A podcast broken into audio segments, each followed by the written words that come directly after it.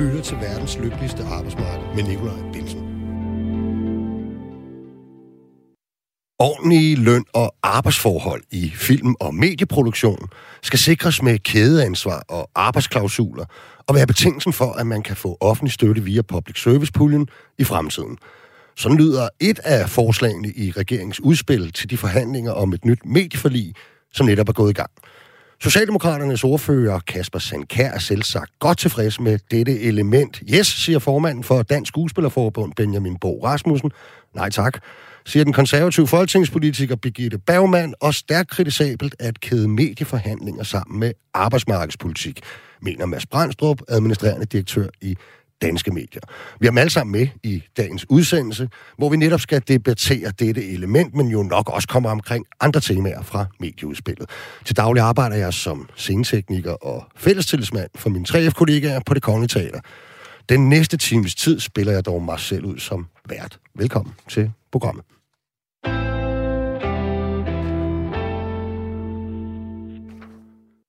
Kasper Sandkær, jeg skulle meget gerne have dig med på en telefon. Det har du. Det er godt. Hej Kasper, velkommen til. Tak skal du have. Du er kultur- og medieordfører for Socialdemokratiet, og om lidt skal vi jo tale om det her med de ordentlige lønner og arbejdsforhold. Men, men for lige at få sat rammen, så tænkte jeg, om ikke du lige sådan i overskriftsform, lidt kort, kunne starte med at sætte et par ord på sådan de øvrige elementer i jeres medieudspil. Hvad er den røde tråd? Og så kan de andre gæster jo lige få lov til også kort at, at kommentere på det. Værsgo. Jo, det, det vil jeg da meget gerne. Altså, den, øh, den røde tråd øh, er jo, at vi skal forhåbentlig lave en medieaftale, som styrker demokratiet og styrker den øh, demokratiske samtale i Danmark. Og det er jo på et bagtæppe af en rivende udvikling, øh, både øh, digitalt og i mediebilledet og i danskernes både medieforbrug og, og nyhedsforbrug, øh, at vi skal det. Og derfor indeholder udspillet jo en, en række temaer. Jeg skal nok være med at gå dem alle sammen igennem, men, mm. men nogle af de store er jo regulering af tech-giganterne, øh, hvordan vi moderniserer øh, mediestøtten, så den også passer til fremtidens øh, mediebillede, hvilken rolle skal øh, Øh, Danmarks Radios øh, spil, hvordan sikrer vi, at, øh, at der også bliver lavet godt public service indhold og danske gode film, serier, dokumentarer også i fremtiden. Mm. Okay, lad os lige starte med at få Mads Brandstrup, administrerende direktør i Danske Medier. Bare lige sådan kort, hvordan øh, tager I imod udspillet som sådan et hele? Jamen, vi har faktisk været ude og rose udspillet og sagt, at øh, altså først og fremmest på grund af det store ambitionsniveau, man lægger for dagen i forhold til tech-giganterne, som, mm. som, øh, som Kasper også siger her, øh, det er der meget stor grund til at rose.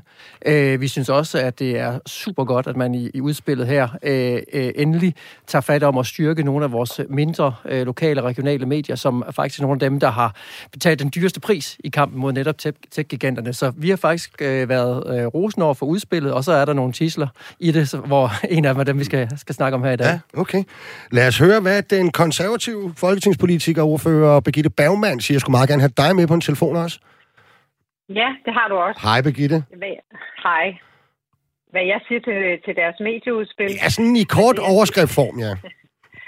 Jamen, jeg, øh, jeg er rigtig glad for, at øh, regeringen er enig med konservative, at det er vigtigt, at vi styrker de regionale og lokale medier. Øhm, det er nemlig med til at binde Danmark sammen. Og jeg er også rigtig glad for, at øh, de kommer med en stor indrømmelse på, at den bladpulje, som vi indførte, og som de så desværre fjernede øh, her for et par år siden, på de 25 millioner kroner, øh, vil man nu øh, genindføre. Mm. Når det så er sagt, så, øh, så synes jeg også, øh, der er rigtig mange øh, gode toner i. Selvfølgelig skal vi regulere tech-giganterne. Det er der ingen tvivl om. Indholdsregulering er meget vigtigt. Men det er altså noget, der foregår på et EU-niveau, og der kommer en EU-lovgivning nu. Så jeg synes, det er sådan lidt at, at klæde sig i nogle lånte fjers, fordi det, øh, det er jo også et område, som skal reguleres på erhvervsministerens øh, bord, så vi kan jo komme til at sidde og bruge en masse tid i forhandlinger på det her, hvor vi virkelig ikke har en stor indflydelse, dels fordi det kommer fra EU, og dels fordi det skal reguleres på erhvervsministerens bord. Men, øh, men øh, jeg går jo konstruktivt ind til, til forhandlingerne, og så synes jeg i den grad, der er en rød tråd i overført betydning i deres udspil, fordi mm. det handler mere om kontrol og regulering øh, og, og højere skatter, end det handler i virkeligheden om at skabe et innovativt, kreativt øh, og frit mediemarked i Danmark. Okay. Lad os lige få Benjamin Bo Rasmussen, formand for Dansk Skuespillerforbund, med os. det overordnet? Altså overordnet er vi jo super, super glade for det her udspil. Altså dels så synes vi jo faktisk, at det er et udspil, der er visionært i forhold til at øh, passe på det tårnhøje niveau af film- og tv-indhold, vi har i Danmark, at vi kan passe på det. Men også, at der er en anerkendelse i, at os, der leverer indhold øh, på de kunstneriske områder, øh, også har krav på nogle ordentlige løn- og arbejdsvilkår. Og det er en del af en aktiv kulturpolitik at tage det alvorligt. Så det er jeg sindssygt glad for. Okay, interessant. Kasper, øh, det er jo et arbejde. Jo, jeg vil lige sige inden, at, øh, at vi ikke bare vil høre fra dem, der ligesom er, er gæster i programmet. Hvis du sidder derude og lytter med, så kan du altså også skrive herind, enten med et spørgsmål eller en kommentar til debatten. Det gør du ved at sms'e til 1424, skriv R4 og så din besked efter et mellemrum. Kasper, det er jo et arbejdsmarkedsprogram, du er med i, så skulle vi ikke grave os lidt ned i det element, som handler om at, at sikre ordentlige arbejdsforhold, hvis man modtager offentlig støtte. Hvad er det, det skal løse, og hvordan er det, I forestiller at man gør det? Jamen det, som det jo skal løse, øh, er, at vi, og det er sådan set uanset øh, branche, øh, jo gerne vil have et arbejdsmarked i Danmark, hvor dem, der går på arbejde, de gør det under ordentlige vilkår, ordentlige Øh, forhold med, med, med klare, sikre øh, rettigheder. Og der må vi bare konstatere, at særligt øh, mediebranchen, tv-filmbranchen er nogle af dem, hvor der er rigtig mange eksempler på dårlige arbejdsvilkår, på pres på, på arbejdsforholdene, og hvor der er rigtig mange, som arbejder uden en overenskomst, men arbejder i sådan nogle løse ansættelser, som vi jo ser presser sig ind presser sig ind forskellige steder på vores arbejdsmarked. Så vores i virkeligheden meget konkrete og også rimelig simple, øh, men meget retfærdige greb er jo at sige, hvis man øh, modtager offentligt støtte, det kunne være mediestøtte, det kunne være fra public service puljen, øh, jamen så er det et krav for at få de penge, ligesom der er en masse andre krav, så er det også et krav, at øh, de penge bliver brugt til, at dem, man ansætter, de er ansat på ordentlige øh, arbejdsvilkår, og det gælder sådan set hele vejen øh, ned i kæden, altså også de underleverandører, man hyrer, øh, der skal være ordentlige vilkår. Okay, hvordan er I kommet frem til, hvad kan man sige, at der er en udfordring? Altså har I stukket øh, fingrene op i vejret og ligesom øh, mærket efter, eller, eller, eller har du en, en, en, en række konkrete eksempler på, på dårlige løn- og arbejdsforhold øh, i, i de, begge de brancher? Jamen, øh, der har jo været igennem øh, de sidste par år masser af historier fra øh, branchen og fra øh, særligt dem, der, der arbejder i branchen på, at, at, at arbejdsvilkårene ikke er i orden. Øh, at man øh, arbejder for mange timer, at øh, aflønningerne øh, bliver øh, presset. Øh, og, øh, og det er jo den ene del af det. Masser af sådan konkrete eksempler, der har været fremme i, i, i medierne og pressen, og selvfølgelig også talt med, med nogle af dem. Og så har organisationerne på området, jo for eksempel Benjamin fra Skuespillerforbundet, har jo også øh, kunne berette om, hvordan de oplever et pres som forhandlingsorganisation på at sikre øh, ordentlige vilkår. Okay. Lad os lige få Mads Brandstrup øh, fra Danske Medier ind øh, med det samme her. Hvad, øh, hvad, hvad er det, der er så galt med, øh, med den vinkel? Jamen, der er jo ikke noget galt med selve vinklen. Altså, øh, og jeg vil gerne skynde mig at sige, at, at på danske mediers øh, område, der har vi jo faktisk meget høj øh, overenskomstdækkelse og, og gode øh, freelance-aftaler, husaftaler omkring det. Øh, og, og, altså, vi har jo selvfølgelig det principielle synspunkt, at det her er arbejdsmarkedsstof, og det bør være arbejdsmarkedets parter, der aftaler det her. Det er sådan det rent principielle. Men, men det, i virkeligheden, det der er mest galt med det, det er jo, at, at du begynder at, at politisere mediestøtten med det her. Altså den, den øh, økonomiske støtte, der gives til medievirksomheder og medieproduktion, øh, der hænger du politiske ønsker op på det. Og når, når, når vi finder anledning til at kritisere det, så er det jo, at, at øh, medierne er jo kan man sige, man kalder det den fjerde statsmagt, men de skal i hvert fald være frie og uafhængige af politisk indblanding. Og vores store bekymring, det er, at hvis først man begynder at træde et skridt ned ad den vej, der hedder at hænge politiske krav op som betingelse for at modtage støtten, hvad er så det næste krav, der kommer? Og derfor så mener vi principielt, at det skal man holde sig for god til, og hvis man gerne vil opnå de, øh, og faktisk også prisværdige ting, som, som regeringen vil med det her, så bør det være en anden vej, man går. Så bør det være, altså overenskomst vil være det mest ønskværdige. Hvis ikke det kan lade sig gøre, øh, kig på arbejdsmiljølovgivning mm. eller andre ting. Okay. Kan du ikke lige kort øh, rise op, hvad, hvad danske medier er, bare lige så lytterne forstår, hvor vi er henne? Jamen, danske medier er organisationen for, for private medier i Danmark. Det vil sige, det, det, det er radiostationer, mm. det er altså radiostationen, vi står på her, mm. øh, det er hele dagbladsbranchen, det er specialmedier, magasiner, øh, og en, en helt bred vifte af, af, af faglige blade osv. Så, så det vil sige, det er ikke Danmarks Radio, det er ikke TV2. Øh, for at sige det. det. Det er stort set alt det andet. Groft sagt resten, i virkeligheden. Ikke? Benjamin Bo Rasmussen, som formand for Dansk Skuespillerforbund, I har jo selv været med til at rejse, hvad kan man sige, øh, den her problematik i ja. virkeligheden, ikke? Jo, altså fordi vi har jo altid synes, det er... er jeg, jeg, jeg synes jo, det er jo mærkeligt det der med, at man kan ikke bygge en metro i København eller slå et pissoir op på en mark i Nordjylland, uden man skal leve op til alle mulige arbejdsmarkedsklausuler og gøre redde for, for, for kædeansvar hele vejen ned i kæden. Og hvis man kigger på de arbejdsmarkedsklausuler, der i forvejen findes, så kan man sige, at 90 procent af alle landets kommuner øh, øh, øh, kræver de her ting for at lave øh, øh, for at, at, at lave sådan nogle entreprenøropgaver. Derfor kan jeg ikke se, hvorfor det ikke også skulle gælde for kunst og kultur. Mm.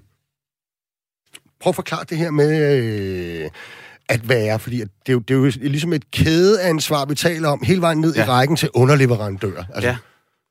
Altså, det, det, det er jo et godt eksempel. Altså, for, for nylig, for øh, et par år siden, da øh, det var politikerne pålagde Danmarks Radio, at de skulle gå ud og få lavet en masse af deres produktioner uden for mm. huset, så går de jo klart ud og, og, og bestiller nogle produktioner, som ligger i et land hos nogle producenter, som for eksempel ligger overenskomstdækket. Der havde vi jo nogle sager, hvor der for eksempel var nogen, der leverede nogle børneudsendelser øh, til Ramachan, hvor de forsøgte at betale vores øh, øh medlemmer med en kur fyldt med øh, øh, gammel rødvin og, og, okay. og gamle blomster. Ikke? Ja. Altså, og det, det, det, det er jo de forhold, forhold, vi gerne vil undgå. Vi vil gerne have det her reguleret, så der ligesom er et ansvar. Hvis vi betaler Danmarks Radio for det, og det gør de jo i dag, så siger de, jamen vi ansætter eller hyrer ikke nogen, som ikke arbejder eller tilbyder vilkår, der svarer til dem, vi selv skulle. Okay, prøv lige at, at, at kan du komme med nogle flere eksempler på, hvad det er for et problem? Og jeg vil sige noget om omfanget, altså som, som du ser det, som, øh, som, som man forsøger at adressere.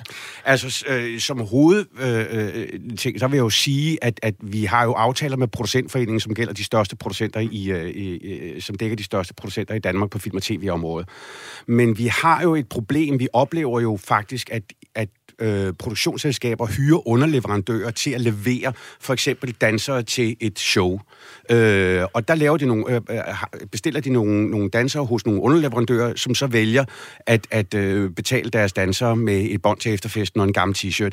Og det vil sige, det, det problem, vi gerne vil til livs, fordi det, det, man skal forstå i vores branche, det er jo, at jeg har 2300 medlemmer, som er dansere, skuespillere, musical performer, operasanger. 95 procent af dem eller 98 procent af dem, de freelancer. Jeg tror, jeg har tre, der er ansat på en overenskomst, altså på, mm. på, øh, på funktionærlignende vilkår. Det vil sige, på et år har jeg mellem 10 og 15 forskellige arbejdsgivere. Jeg har brug for hans sikkerhed for, at jeg kan betale min husleje, og der er nogle ordentlige arbejdsvilkår derude. Okay. Birgitte Bergmann, du er stadig med mig på en telefon, ikke? Altså, ja. øh, ordentlige arbejdsforhold, det rimer jo egentlig nogle gange meget godt med, med at være konservativ. Hvad er problemet i det her forslag? Jamen, der er jo ingen tvivl om, selvfølgelig skal der være ordentlige arbejdsvilkår øh, på, på danske arbejdspladser. Øh, selvfølgelig skal der det. Men det, der undrer mig her, det er, at regeringen, som ellers i alle andre sammenhæng hylder den danske model, kommer med en udmelding om, at vi blande sig i overenskomst og arbejdsvilkår. Altså, selvfølgelig skal der være ordentlige overhold, øh, hvad hedder det, forhold, men, men vi har den danske model. Vi har også en arbejdsmiljølov. Øh, og jeg tror, i virkeligheden, når jeg lytter lidt til... Altså, nu kender jeg overhovedet ikke udspillet nu fra, fra ministeren eller fra regeringen. Altså, i det hele taget er det her jo øh, nogle hensigtserklæringer øh, på alle mulige områder, men også her, hvor det skaber mere, øh, hvad skal jeg sige, øh, undren og, og bekymring, øh, også i branchen. Øh, og der er ikke noget konkret endnu, skal jeg skynde mig at sige til lytteren. Der er intet konkret på det her. Men der, hvor jeg tror, øh, skolen trykker rigtig meget, det er jo, der er mangel på arbejdskraft. Mm. Øhm, og og det, det, øh, det er der også i den her branche. Aldrig har, været, har der været produceret så meget dansk indhold, øh, og aldrig har der været øh, givet så mange fantastiske filmpriser til danske film øh, og serier osv. Og, så og det er vi jo rigtig glade for. Det, der er bekymring her, det er jo et, at man, at man, øh, man, man blander jo altså mediestøtten øh, sammen med altså mediepolitik, sammen med arbejdsmarkedspolitik, og det, det, det, det synes jeg er en uskik. Øh, og så kan jeg være bekymret om, øh, altså underleverandør, hvor langt underleverandør til underleverandør til underleverandør, altså hvor langt ned i kæden skal man gå? Betyder det så, at en øh, filmproducent øh, kan få hævet sin støtte tilbage med, med to års tilbagevirkende kraft? Øh, Altså, og hvem skal administrere den her, øh, øh, den her ordning? Øh, altså, der er ikke rigtig noget konkret på det, og jeg, jeg anerkender, at der er, øh, der er desværre øh, rådne kar øh, ude i, øh, i, øh, i branchen, men der er til gengæld også rigtig meget godt derude, og jeg, jeg synes jo hellere, at ministeren skulle opfordre FAF, altså Foreningen øh, for, for Film og TV, til at gå i dialog med producentforeningen, til at gå i dialog og løse det her, sådan som vi kender det øh, fra den danske model. Okay. Kasper Sand, kan du få lov til at, at, ligesom at samle lidt op på, på alt det, som både Mads og Birgitte har sagt af kritik, men uh, Benjamin får lige lov at komme ind med en, med en kort bemærkning. Ind. Jamen, det er bare i forhold til det der, man snakker meget om den danske model. Altså, jeg synes jo ikke, der er noget odiøst i, at man øh, som politiker eller som borger stiller krav til de penge, man, altså til den måde, man bruger vores skattepenge på. Og det synes jeg jo er en rigtig, rigtig god pointe, og en rigtig vigtig pointe, at det sådan set er det, udspillet også øh, sætter ind over for. Mm. Kasper Sankær, hvad siger du til det hele? Ja, det er jeg meget, øh, meget enig med Benjamin i. Altså, jeg tror simpelthen, der, der er en eller anden misforståelse i det, Birgitte siger i forhold til, hvad er den, den danske model? Altså den danske model, vores arbejdsmarkedsmodel i Danmark, handler jo om, at parterne øh, selv aftaler med hinanden, hvordan skal arbejdsvilkårene være. Altså det er jo typisk igennem en, en overenskomst, at man laver den øh, aftale, og det blander vi os jo netop ikke i. Det eneste, vi bare siger, det er, at der skal enten være en aftale, eller de vilkår, øh, som, som, som er gældende, øh, på en produktion eller på et medie, de skal ligge så meget tæt op af den gældende overenskomst øh, på området. Og det er jo ikke at blande os i modellen. Det er jo sådan set bare at sige, at vi har en forventning om, at når vi giver offentlige penge til medier eller til øh, tv- og filmproduktioner, at så følger man den danske model, at man sådan set anerkender og bruger den danske model. Så det er jo tværtimod politisk opbakning til den danske model. Og det er jo også en meget væsentlig del af den arbejdsmarkedsmodel, vi har i Danmark, hvor vi har meget lidt lovgivning, hvor rigtig meget er op til parterne på arbejdsmarkedet selv at aftale. Til gengæld bakker vi jo så politisk op om det. Det gør vi jo for eksempel ved, at både arbejdsgiver og lønmodtagere kan trække deres kontingent til fagforeninger og arbejdsgiverorganisationer øh, fra i skat. Det gør vi ved at forhandle trepartsaftaler. Det gør vi jo på en række måder. Og det er jo meget velkendt inden for andre brancher, at der med offentlige midler også følger et krav om, at man lever op til øh, de gældende arbejdsvilkår i, i branchen. Og det synes jeg egentlig er helt naturligt, at vi også udvider det til øh, film- og tv-branchen og til mediebranchen. Okay. Jeg får lige Mads Brandstrup ind, så får du... Lige, må jeg lige... Ja, så kom bare, Birgitte. Kom fordi, du bare. Altså, prøv lige at høre her. Altså, regeringen vil almindeligt gøre overenskomster og gennemføre kædeansvar for underleverandører. Det er i strid med den danske model. Som, der er altså, ikke nogen, der taler om almengøring. Og, og, og, og, og, det er noget helt andet. Jeg må, jeg må bare sige, almengøring mange, er jo at det op. Mange, nu har jeg lige ordet, Kasper. Kasper. Mange filmoptagelser foregår jo i udlandet. Altså, hvordan vil man, vil man praktisk gennemtvinge overenskomster i et østeuropæisk land? Altså, jeg, jeg, det er ikke fordi, jeg siger bare, I, I fremlægger noget, og der er intet konkret i jeres model. Intet overhovedet. Og normalt blander vi os jo ikke i det her. Det er arbejdsmarkedets parter, der går ind og laver aftaler på de her områder. Det, det, det synes jeg bare er en meget vigtig flag at rejse. Det har ikke noget at gøre med, at vi ikke skal have ordentlige arbejdsvilkår på en, på en given arbejdsplads. Selvfølgelig skal vi det, men det er jo arbejdsmarkedets parter, der skal sætte sig ned og aftale de vilkår. Okay, lad mig lige... Jeg prøvede jo at få Mads Brandstrup ind øh, her. Det får jeg øh, nu. Og, og, og jeg kunne godt tænke mig at spørge dig om, fordi det er, jo, det er jo sådan set rigtigt, hvad Kasper siger, at der findes jo, øh, når du laver et udbud af en statslig kantine, eller rengøring, eller vagter, eller alt muligt andet, så er der jo også arbejdsklausuler, og der er jo også en forventning om, at øh, de løn- og arbejdsvilkår, øh, som tilbydes af dem, der vinder det udbud, det er en øh, minder om, hvad man kan opnå ved en kollektiv forhandling, plejer at være formuleringerne i det. Ikke? Øh, hvad er så problemet her? Fordi at øh, den frie presse har og skal have en særstatus i okay. et, et demokrati øh, som det danske. Altså, fordi det er jo helt rigtigt, at, øh, at i alle mulige andre sammenhænge, der har vi jo brugt øh, krav til uddeling af offentlige penge til at styre samfundet i en, øh, en bestemt retning, og det er jo godt og positivt.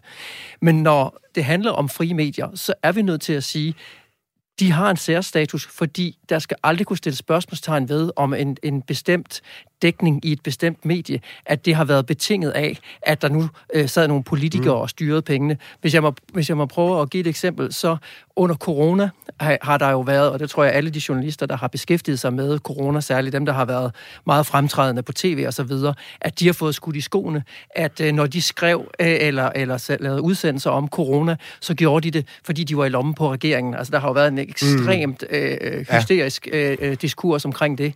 Og, og det er jo et super godt øh, eksempel på, hvorfor det er så vigtigt, at en, et medie og en journalist altid skal kunne sige, der er ingen, der bestemmer over den dækning, vi laver. Og, og det er derfor, at vi mener, at den her diskussion er så principiel, fordi hvis først du begynder at åbne for, at du kan stille politiske krav øh, til, hvorfor et givet medie skal modtage nogle penge, hvad er så næste skridt? Og jeg tror, jeg tror, at en af de store diskussioner i den her medieforhandling kommer til at handle omkring armslængde. Altså det, at, at, at vi fra, fra mediebranchen med, med, med vold og magt vil forsøge at holde politikerne ude af redaktionslokalet. Og, og her er arbejdsklausuler, men, det er jo men, så en af, en, et af Men, men det sidste forstår jeg jo godt, Mads. Jeg tænker bare på, er den, hvad kan man sige, det journalistiske særstatus, du mener, at øh, den frie presse skal have, det tror jeg alle er enige i, kan den i virkeligheden ikke ende med også at blive en, sådan lidt en Karl Blanks til særstatus, også for løn og arbejdsvilkår i branchen? Altså for det første, så har vi jo overenskomster, øh, mm. og, og som forhandler... Men der er vel underleverandører, produktionsselskaber osv., der ikke har? Yes, og, og der, der, der har øh, de enkelte medier jo også tit, øh, så er de husaftaler og laver mm. det forskellige måder. Men, men, men, og der vil jeg også bare sige, hvis, hvis, hvis man mener, der, der vidderligt på medieområdet er så stort et problem med underleverandører, så lad os da tage en drøftelse af det. Øh, det kan tages op i overenskomstsammenhæng, og, og hvis ikke det løser problemet, så har vi jo en, en, en, et, treparts, øh, et trepartsinstrument, som vi har brugt i andre sammenhæng, så lad os tage snakken der, men lad os lade være med at koble det op som betingelse for at modtage mediestøtte. Okay. Har Mads egentlig en pointe her, Benjamin, i forhold til, at altså, de ordentlige løn- og arbejdsvilkår er vel i virkeligheden også noget, du skal ud og sikre i branchen ved at tegne overenskomster og, og, og lave faglige resultater? Jo, det kan du godt sige, men jeg er jo også en relativt lille fagforening, men omvendt så synes jeg jo også, at den, den, den, den diskussion, han lægger op til, er en anden diskussion, som jeg også synes er skide spændende, som vi snakkede om før, men hvis du modtager offentlig støtte, mm. altså hvor, øh, hvor, hvor fri er du så i virkeligheden i forvejen? Altså du vil jo altid kunne få skudt det i skoene, at du er i lommen på nogle andre, fordi du modtager offentlig mediestøtte. Så skal man træde helt ud af det som, som, som, øh, øh, som konsekvens af det. Mm.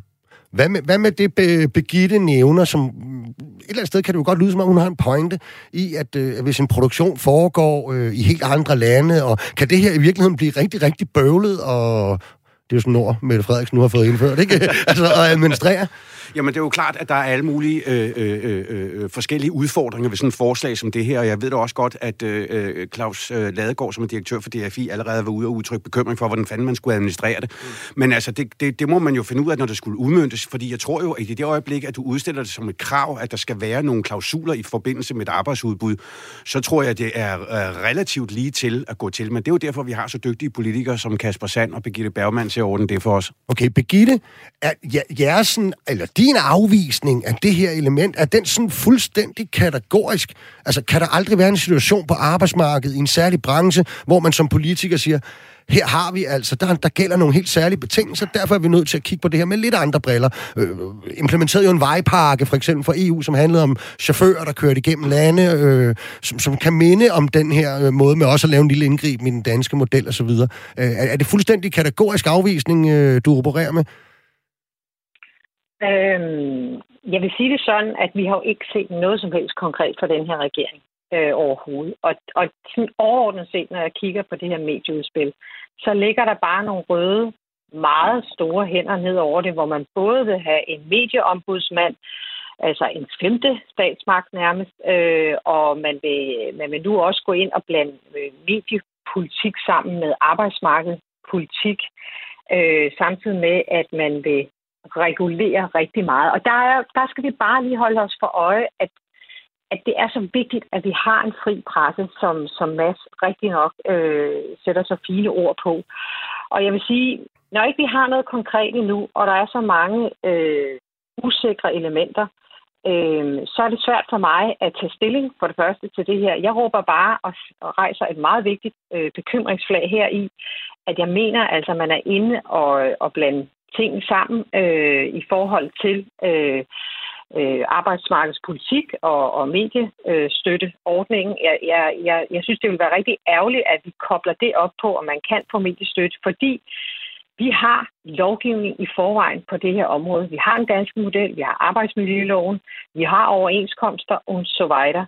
Så der er rigtig mange øh, greb allerede i forvejen. Og derfor så, øh, så synes jeg, det vil være forfærdeligt, hvis vi politikere bliver ved med at gå ind og detaljstyre, detaljregulere et marked, som, som, øh, som gerne, som jeg okay. oplever, blomstre. Jeg, jeg anerkender, at der er brødende kar. Mm. Øh, men, men øh, lad os nu se, hvad det reelt er, de kommer med. Selvfølgelig, øh, så går vi ind og, og, og, og kigger nærmere på det, men, men jeg er svært ved at se os øh, i, en aftale lige okay. specifikt. Kasper, Kasper I, øh, I detaljstyre, I elsker at, at regulere, og kan man måske sige, at havde den rigtige fremgangsmåde her i virkeligheden været, at indkalde branchens parter til for eksempel en trepart, eller i hvert fald nogle drøftelser, hvor man så måske ligesom tog det den vej rundt, øh, frem for bare at komme med et medieudspil?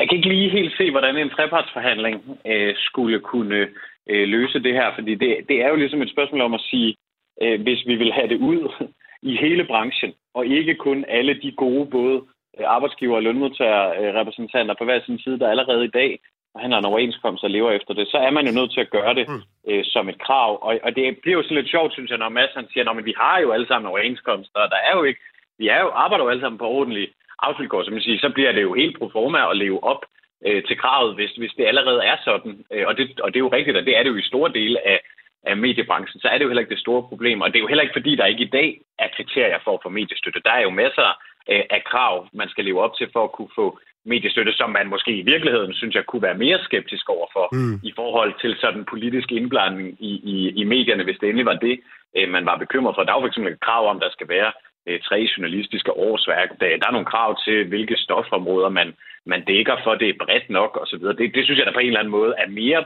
principielt øh, et spørgsmål om, om indblanding, end, end det er at sige, at dem, man hyrer for offentlige midler, de skal selvfølgelig have øh, ordentlige arbejdsvilkår, og at man skal spille efter den danske model. Fordi det er jo i virkeligheden det, der bor nede i at lave sådan et krav. Det er jo at sige, at når der er offentlige penge involveret, så vil vi gerne have, at det er den danske model, der virker. Og derfor er det jo noget sludder at sige, at det her er indblanding i den danske model. Det her er jo lige præcis at bakke op om at sikre, at den danske model gælder. Og det kan vi jo ikke gøre på hele arbejdsmarkedet, men det kan vi jo i hvert fald gøre der, hvor der er offentlige okay. og det gør vi jo også i mange andre brancher. Birgitte? Prøv, prøv lige at høre, nu er det jo ikke et lovkrav. Øh, om, at man skal følge eller indgå en overenskomst, en overenskomst i Danmark. Og jeg synes helt ærligt, at øh, det her det er socialdemokratisk øh, rød politik, så det basker, altså øh, at gå ind og blande sig i, øh, i arbejdsmarkedets parters øh, forhold med hinanden. Jeg synes heller, at øh, Benjamin øh, skulle tage og tage nogle gode dialoger med producentforeningen og få styr på, på det. Øh, jeg synes ikke, det er noget, vi politikere skal gå ned og detaljregulere. Og jeg synes, det er helt uhørt, at øh, man nu vil, vil koble mediestøtteordningen op på arbejdsmarkedspolitik, det er, okay. det er det er helt uhørt. Okay, Benjamin, du skal bare ringe over til producentforeningen. Jamen, det kan jeg jo ikke, fordi det er jo ikke hans og Jørgen Ramsgaards medlemmer, der øh, det tættere på mikrofonen. Undskyld. Det kan, jeg, øh, det kan jeg jo ikke, fordi det er jo ikke Jørgen Ramskov og hans medlemmer, der er problemet, fordi dem har vi aftaledækket med. Det er jo de underleverandører, der findes, og det er jo derfor, jeg synes, at det er så smukt, at man siger, at når vi bruger offentlige skattepenge på at støtte noget, så må vi også godt sætte nogle krav i røven på det. Okay. Mads, altså, øh, du siger jo selv, I har en stor grad af overenskomstdækning, og I mener jo i bredt set, at... Øh at øh, ordentlig løn og arbejdsvilkår, det findes og bliver overholdt. Hvorfor er det så egentlig så stort et problem, øh, det her forslag? Jo, fordi øh, var det ikke øh, Manic Street Preachers, der sang i 90'erne, If you tolerate this, then your children will be next. Okay. Altså forstå på den måde. Ja, det var, det var tak lidt for kaffe. det var lidt karikeret, ikke? Men, men bare for at sige, der, der er meget sympatisk forbundet med det her forslag. Nogle af de ting, man vil opnå, øh, kan være meget sympatisk. Altså, jeg synes især oven på de afsløringer, der har været omkring øh, visse forhold i, i visse dele af branchen, øh, så er det jo indiskutabelt, at man skal have en snak omkring, hvordan vi kan forbedre arbejdsvilkårene. Men jeg synes bare, når vi er inde og pille ved noget så principielt som at stille politiske krav, altså, øh, øh, kan man sige, partipolitiske krav til, hvordan øh, man skal modtage mediestøtte, så, så bliver det bare noget, hvor vi er nødt til at sige, pas på. Fordi det er jo rigtigt, som, som, som Kasper siger, selvfølgelig er der øh, nogle krav for at kunne modtage mediestøtte. De krav er sat op for at, at garantere, at det er publicistiske medier, hvor der er, hvor der er journalistiske medarbejdere, hvor der er adskillelse af det kommercielle øh, og, det, og det redaktionelle. Øh, det er fair, men, men, men, men her har vi jo et, et, et, et helt klassisk politisk krav, øh, et ønske om øh, nogle særlige arbejdsvilkår, som man kobler op, vil koble op på, på, på mediestøtten. Øh, og, og, og så mener vi, at så er vi på vej ned ad en vej, hvor at, altså, hvad er det så næste gang? Altså for eksempel, da man, da man, øh, da man drøftede øh, under forrige medieforlig øh, og skulle snakke øh, for eksempel Radio 24 jamen der endte man jo med at stille nogle krav, øh, der var så rigide, at det daværende 24 ikke, ikke på nogen måde kunne, øh, kunne honorere det. Og det vil sige, det, det har vi ikke lyst til nogensinde at have et gensyn med, at politikerne bevæger sig så langt ind og så tæt på mediernes mulighed for at agere som virksomhed. Er I for langt inde i mediernes mulighed for at agere som virksomhed, Kasper? Nej, det, det, det synes jeg ikke. Og man er jo nødt til ligesom at tage fat i, hvad er det egentlig kernen i den danske model er, og i hvert fald, hvad er så alternativet? Fordi alternativet er jo den type arbejdsmarked, man har mange andre steder i, i den vestlige verden og Europa, hvor man jo lovregulerer meget mere, end vi gør i Danmark. Der er jo lovgivning om mindsteløn, om arbejdstid, om alle mulige forskellige dele, som vi jo i dag regulerer i overenskomsterne. Og det er jo et politisk valg at sige, vi vil gerne have et ureguleret lovgivningsmæssigt arbejdsmarked, til gengæld have en aftalebaseret model. Men den model står og falder jo med, at den så bliver brugt rundt på hele arbejdsmarkedet. Og der synes jeg, det er helt naturligt, at vi siger, selvfølgelig skal den også gælde i mediebranchen og i øh, film- og tv-branchen. Selvfølgelig skal der også være. Øh, selvfølgelig skal man også der følge og leve op til den, øh, den danske model. Så jeg synes egentlig ikke, det er øh, indblanding. For jeg er fuldstændig enig med Mads i, at særligt når vi taler om medier, så skal vi virkelig passe på, hvad vi stiller af politiske krav, hvad vi øh, blander os i. Fordi der må aldrig nogensinde være tvivl om, at når man som journalist dækker noget, så gør man det øh, ud fra øh, en journalistiske overvejelser, øh, de redaktionelle overvejelser, i fremstille nyheder osv., det må aldrig være et spørgsmål om politisk indblanding, eller for den sags skyld øh, kommersielle øh, interesser, som, som er på spil. Men at man som journalist får en ordentlig løn, man kan leve af, og den fotograf, der tager billederne til artiklen, også får en ordentlig løn, øh, som man kan leve af. Det kan altså ikke se, at skulle påvirke den journalistiske dækning.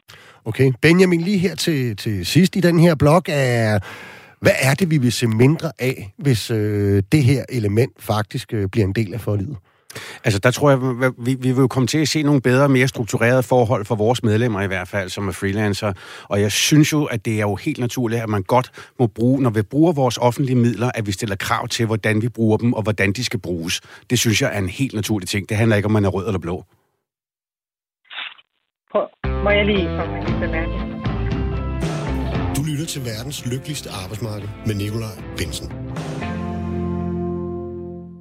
Det gør du nemlig, men vi fik måske lige øh, kottet Birgitte Bergmann lidt af. Jeg synes, du skal have lov til lige at, at, at, at fyre den sidste af, Birgitte. Øh, jamen, det er jo bare for at sige, selvfølgelig skal der være ordentlig arbejdsmiljø på en arbejdsplads. Det er det, der er konservativ øh, politik, øh, så det basker. Men jeg synes, tingene bliver blandet sammen her. Løn og arbejdstimer osv. forhandles jo mellem arbejdsmarkedets parter. Jeg synes, ministeren og Kasper og, og Benjamin for den sags skyld blander det lidt sammen øh, med at tale om arbejdsmiljø. Øh, fordi det er jo en rå tone, og, og der skal ting jo skilles ad. Altså ordentlige arbejdsforhold sikres bedst gennem direkte forhandlinger mellem arbejdsmarkedets parter, og ikke gennem en påtvungen overenskomst. Eller øh, for den sags skyld, okay. at man øh, ikke kan få, få mediestøtte. Og det på... synes jeg vil være forkert. Okay, og så fik Birgitte Bergmann det sidste ord i den runde. Ja, desværre. siger Benjamin Bo Rasmussen. Og du har altså stillet ind på Radio 4, hvis du hører med på den her debat. I dag taler vi om regeringens medieudspil, og vi har navnlig brugt tiden på at debattere, om det offentlige skal stille krav om ordentlige løn og arbejdsforhold og have bedre redskaber til at sikre disse, når man modtager offentlig støtte til film- og medieproduktion. Og det har jeg altså gjort sammen med Birgitte Bergmann, som du lige hørte, og Benjamin Bo Rasmussen, som du også lige hørte. Han er formand for Skuespillerforbundet. Vi har også Mads Brandstrup, administrerende direktør i Danske Medier med. Og på en telefon har vi fortsat også Kasper Sandkær, kultur- og medieordfører for Socialdemokraterne. Du kan stadig blande dig som lytter og skriv ind med et konkret spørgsmål til vores gæster eller en kommentar til debatten. Det gør du ved at sende en sms til 1424, skriv R4 og så din besked efter et mellemrum. Kasper, en af de øvrige overskrifter i det her udspil, det er jo mere demokratisk kontrol med tech-giganter. Prøv lige at sige noget om, hvad det dækker over.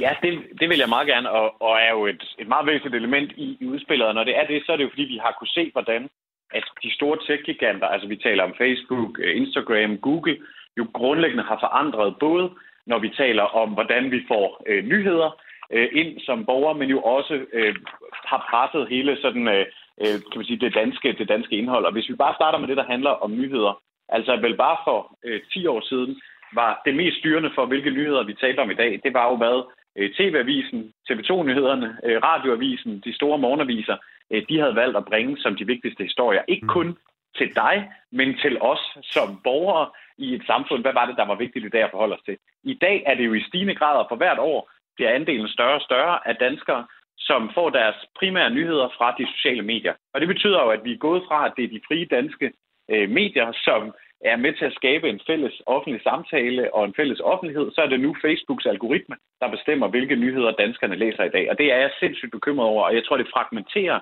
og mm. polariserer vores demokrati og, og fælles offentlighed. Og derfor har vi grundlæggende brug for at tage et opgør med dem.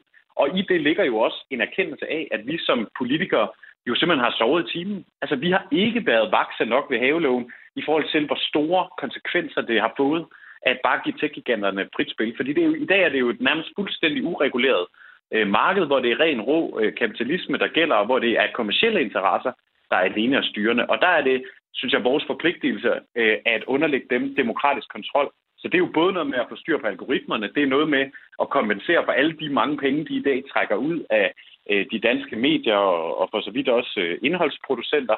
Øh, det er jo noget med at få øh, også ført øh, tilsyn og stille krav til, hvordan at et medie som eksempelvis øh, Instagram eller en platform som Instagram jo øh, kan man sige, skaber øh, mm. en enorm dårlig trivsel hos rigtig mange børn og unge, fordi den virkelighed, man bliver præsenteret for, der jo ikke øh, er, er, er slående med, lige, med, med virkeligheden. Så, så der er jo mange forskellige greb, og der er mange forskellige udfordringer, øh, og vi kan ikke gøre det alene i, i medieforhandlingerne. Øh, det skal jo gøres ved rigtig mange borgere, både over i Erhvervsministeriet, Justitsministeriet og Udenrigsministeriet skal, skal det her spørgsmål håndteres, men det hører også helt naturligt hjemme øh, her, når vi taler om, om kernen i vores demokrati, som jo er den demokratiske samtale og vores, vores fælles offentlighed.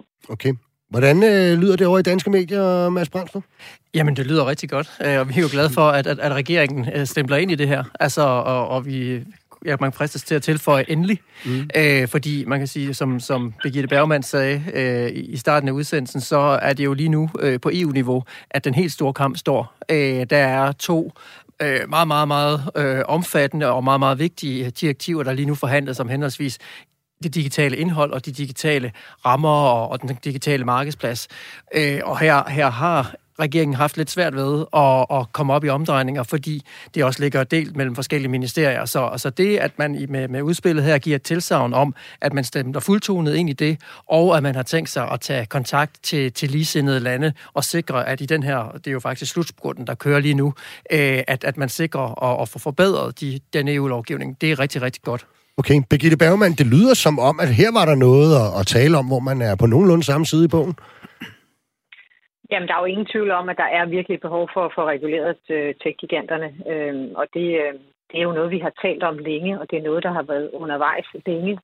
Øhm, og derfor så, øhm, øh, jeg synes bare, det er vigtigt at sige her, at, øh, at det er jo noget, der nu kommer med en EU-lovgivning, og det er jo ikke noget, Danmark kan løse alene. Øh, så synes jeg i hvert fald, man, man øh, er en lille smule naiv, øh, og jeg har i hvert fald blivet mærke i, det, i de Øh, regler, der kommer i det, der hedder DSA'en og DMA'en, jamen der er altså netop omkring øh, indhold og rammerne osv. Men der er jo bare, øh, og det har jeg lyttet mig til også hos menneskerettighedsorganisationer, der er jo et, et bekymrende punkt i øh, netop det her med omkring øh, anmeldelsesmekanismerne. For der er ingen tvivl om, at, øh, at vi har set nogle rigtig grælde sager med Marokko-sagen og, og, øh, og Sofie Larsen øh, omkring sugar dating, altså øh, nu var jeg så inde på influencer, mm. så der er, der er mange, der skal, der skal reguleres og, og have et ansvar her. Mm. Men, men det her med at tage ulovligt øh, indhold ned øh, meget hurtigt, øh, det, det, er der, det er der helt konkret ulovligt. For eksempel Marokko-videoen, som er rejsesfuld og en rejsesfuld sag. Øh, det skal jo bare ned med det samme. Men der kommer altså en gråzone her, i, i hele den her regulering, som, som vi skal være meget opmærksom på. Og der lægger regeringen jo op til, at alt skal fjernes inden for 24 timer. Det betyder så, at noget, som jo ikke nødvendigvis er ulovligt, også bliver fjernet. Og hvad betyder det? Det betyder noget for vores ytringsfrihed. Så der er øh, der er lidt for... Øh, altså, der, der er i hvert fald nogle ting, vi skal, vi skal være meget opmærksom på i, i den måde, der bliver lovgivet på. Og derfor øh, så synes jeg, at det er vigtigt, at vi, øh, vi kigger på, øh, hvad det er, EU kommer med, og, øh, og forholder os til det. Fordi alt det, regeringen lægger op til her, det er jo hensigtserklæringer. Der er jo ikke noget, de sådan decideret kan gå ind og, og helt lovgive om. Øh, og, øh, og, og, og det, er jo, det er jo mange fine ord, og, og jeg deler rigtig mange af de ord, fordi vi skal have indholdsreguleret de her store giganter. Der er ingen tvivl om, at der er der er øh, algoritmer og så videre, hvordan, hvordan de styrer vores adfærd, og specielt vores børn og unge. Det er mm. jo det er der ingen tvivl om. Det er et stort behov for.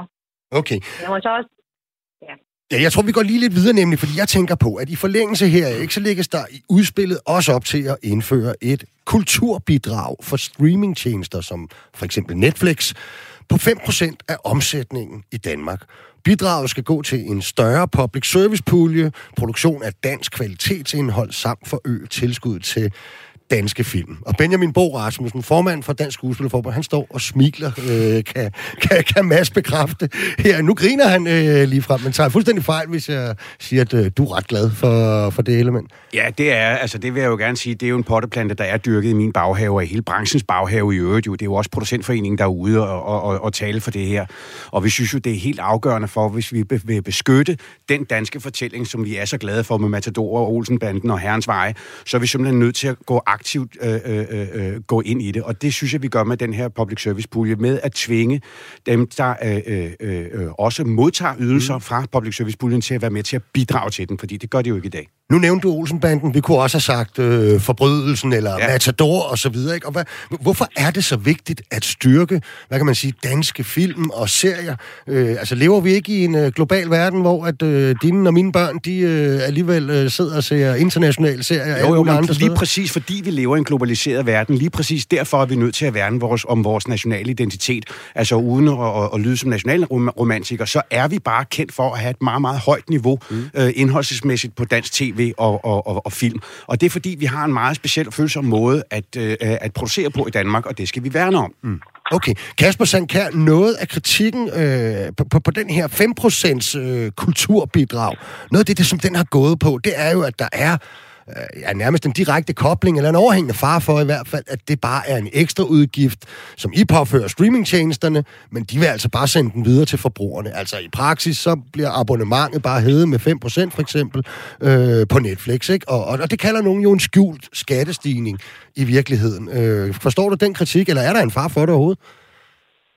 Nej, det forstår jeg egentlig ikke, og jeg synes også, hvis man, hvis man køber det, så melder man sig jo også ud af kampen for at sikre, at der bliver produceret godt dansk indhold, som, som handler om, om danskerne og vores liv og vores samfund og vores kultur og, øh, og historie. Og, og det er jo bare også sådan, ikke fordi det skal være teknisk, fordi jeg synes egentlig, det er sådan her rimelig værdipolitisk også, men, mm. men, øh, men det er jo ikke en skat. Altså det tror jeg bare sådan helt teknisk er det ikke en skat, fordi den jo går i et lukket kredsløb, som betyder, at de penge, der kommer ind fra det her kulturbidrag, går jo øh, til indholdsproducenter, der så kan søge dem i en pulje. Det er et krav for overhovedet at kunne lave den her type af, af ordning, at de samme, der bidrager, skal kunne søge øh, til det. Så det er jo en måde at sikre, at mm. alle de mange, mange penge, som streamingtjenesterne tjener på det danske marked, og det gør de jo, fordi de har et godt øh, produkt, at, at, de, at nogle af de penge også går til øh, produktion af, af dansk indhold. Og det er altså bare et vilkår, tror jeg, når man er et lille øh, sprogområde øh, som os, at det bliver aldrig rigtigt øh, attraktivt for de store øh, streamingtjenester at lave en masse dansk indhold og overhovedet at blive en del af den særlige måde, vi fortæller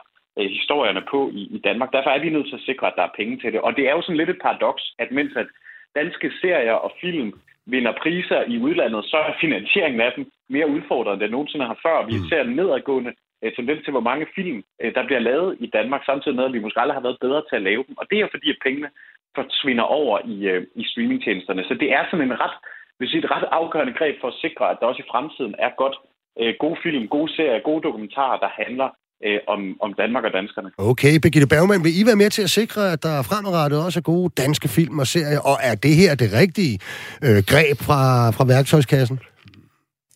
Jamen, der er jo ingen tvivl om, det er en mærkesag for os konservative, det er, at vi har dansk godt produceret indhold, og, øh, og det skal ud til danskerne, det skal ud til vores børn og unge. Øh, og det er jo vigtigt øh, både, øh, at vi har et marked, der leverer det. Øh, det er også vigtigt, at, øh, at Danmarks Radio fokuserer på godt dansk produceret indhold af de her vigtige historiske begivenheder blandt andet og så videre.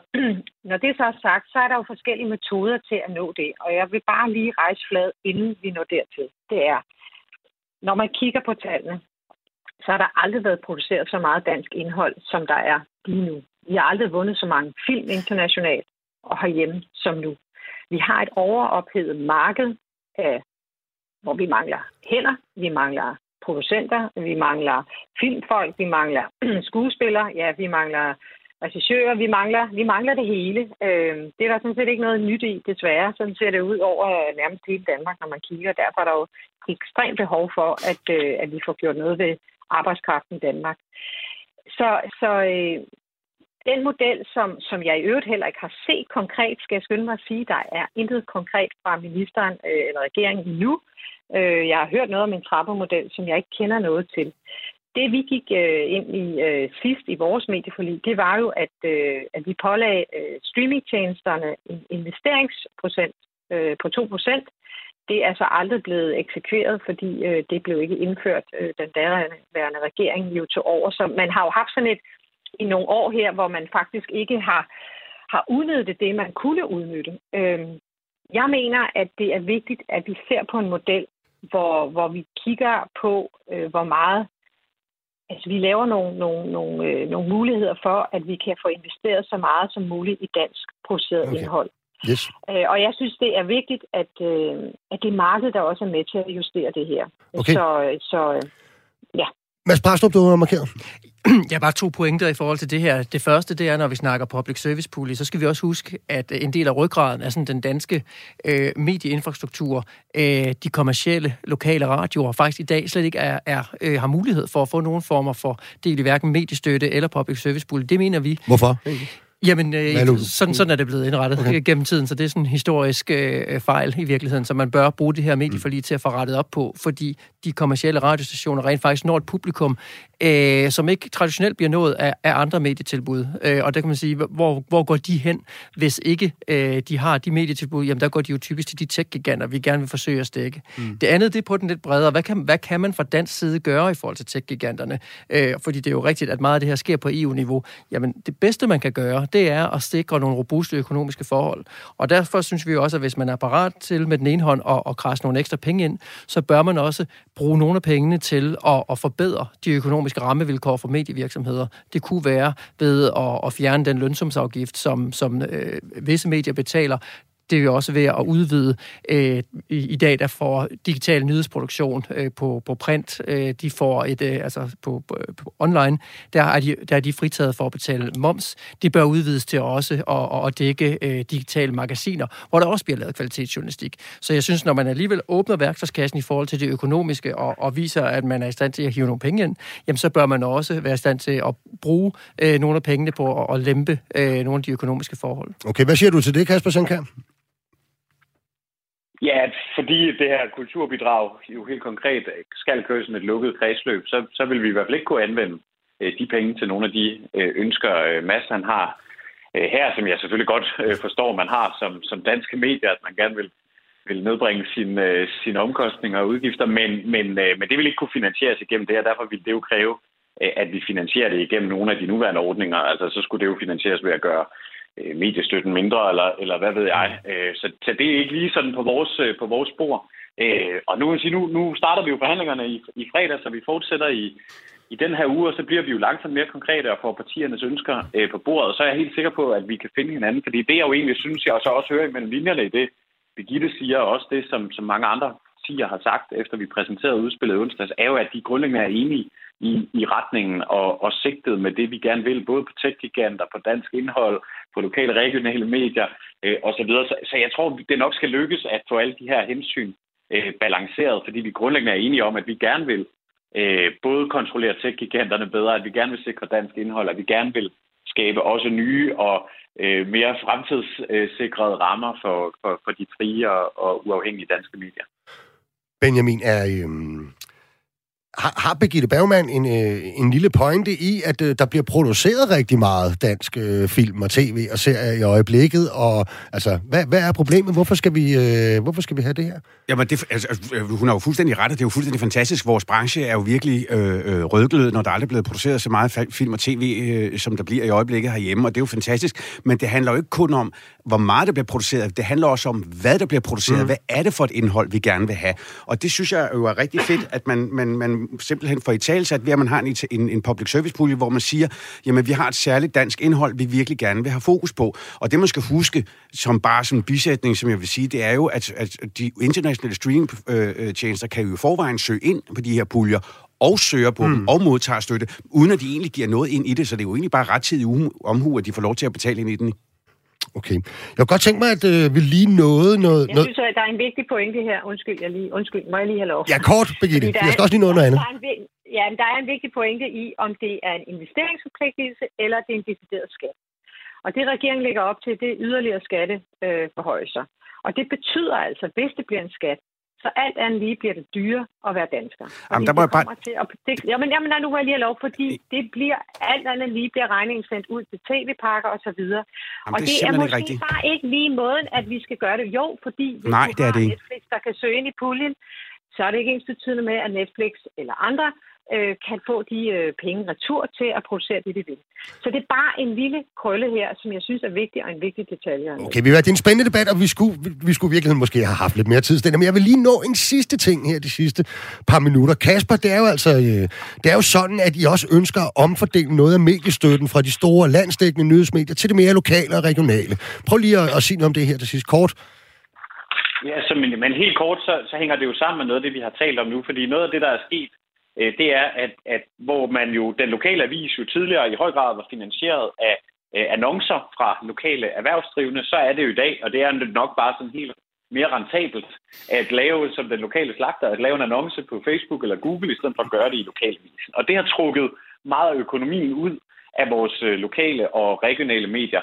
Øh, samtidig ændrer danskernes nyhedsvaner sig. Øh, færre læser en avis, færre læser øh, den, den lokale avis. Så derfor er der brug for at styrke de lokale og regionale medier. Når det er det, så er det jo ikke bare for at holde liv i, i nogen, der er der, men så er det jo fordi, de lokale og regionale medier udgør en rigtig vigtig del af den demokratiske samtale, som dækker det nære øh, liv i øh, lokalområdet, som dækker det lokale kulturliv, de lokale begivenheder, men som jo også går lokale magthavere efter i sømmene. At det er en lokalavisen, der sidder i haserne på borgmesteren og, og kommunaldirektøren og sikrer, at, øh, at, at øh, de bliver set efter i sømmene, og at der også er en, en lokal levende øh, politisk samtale. Okay.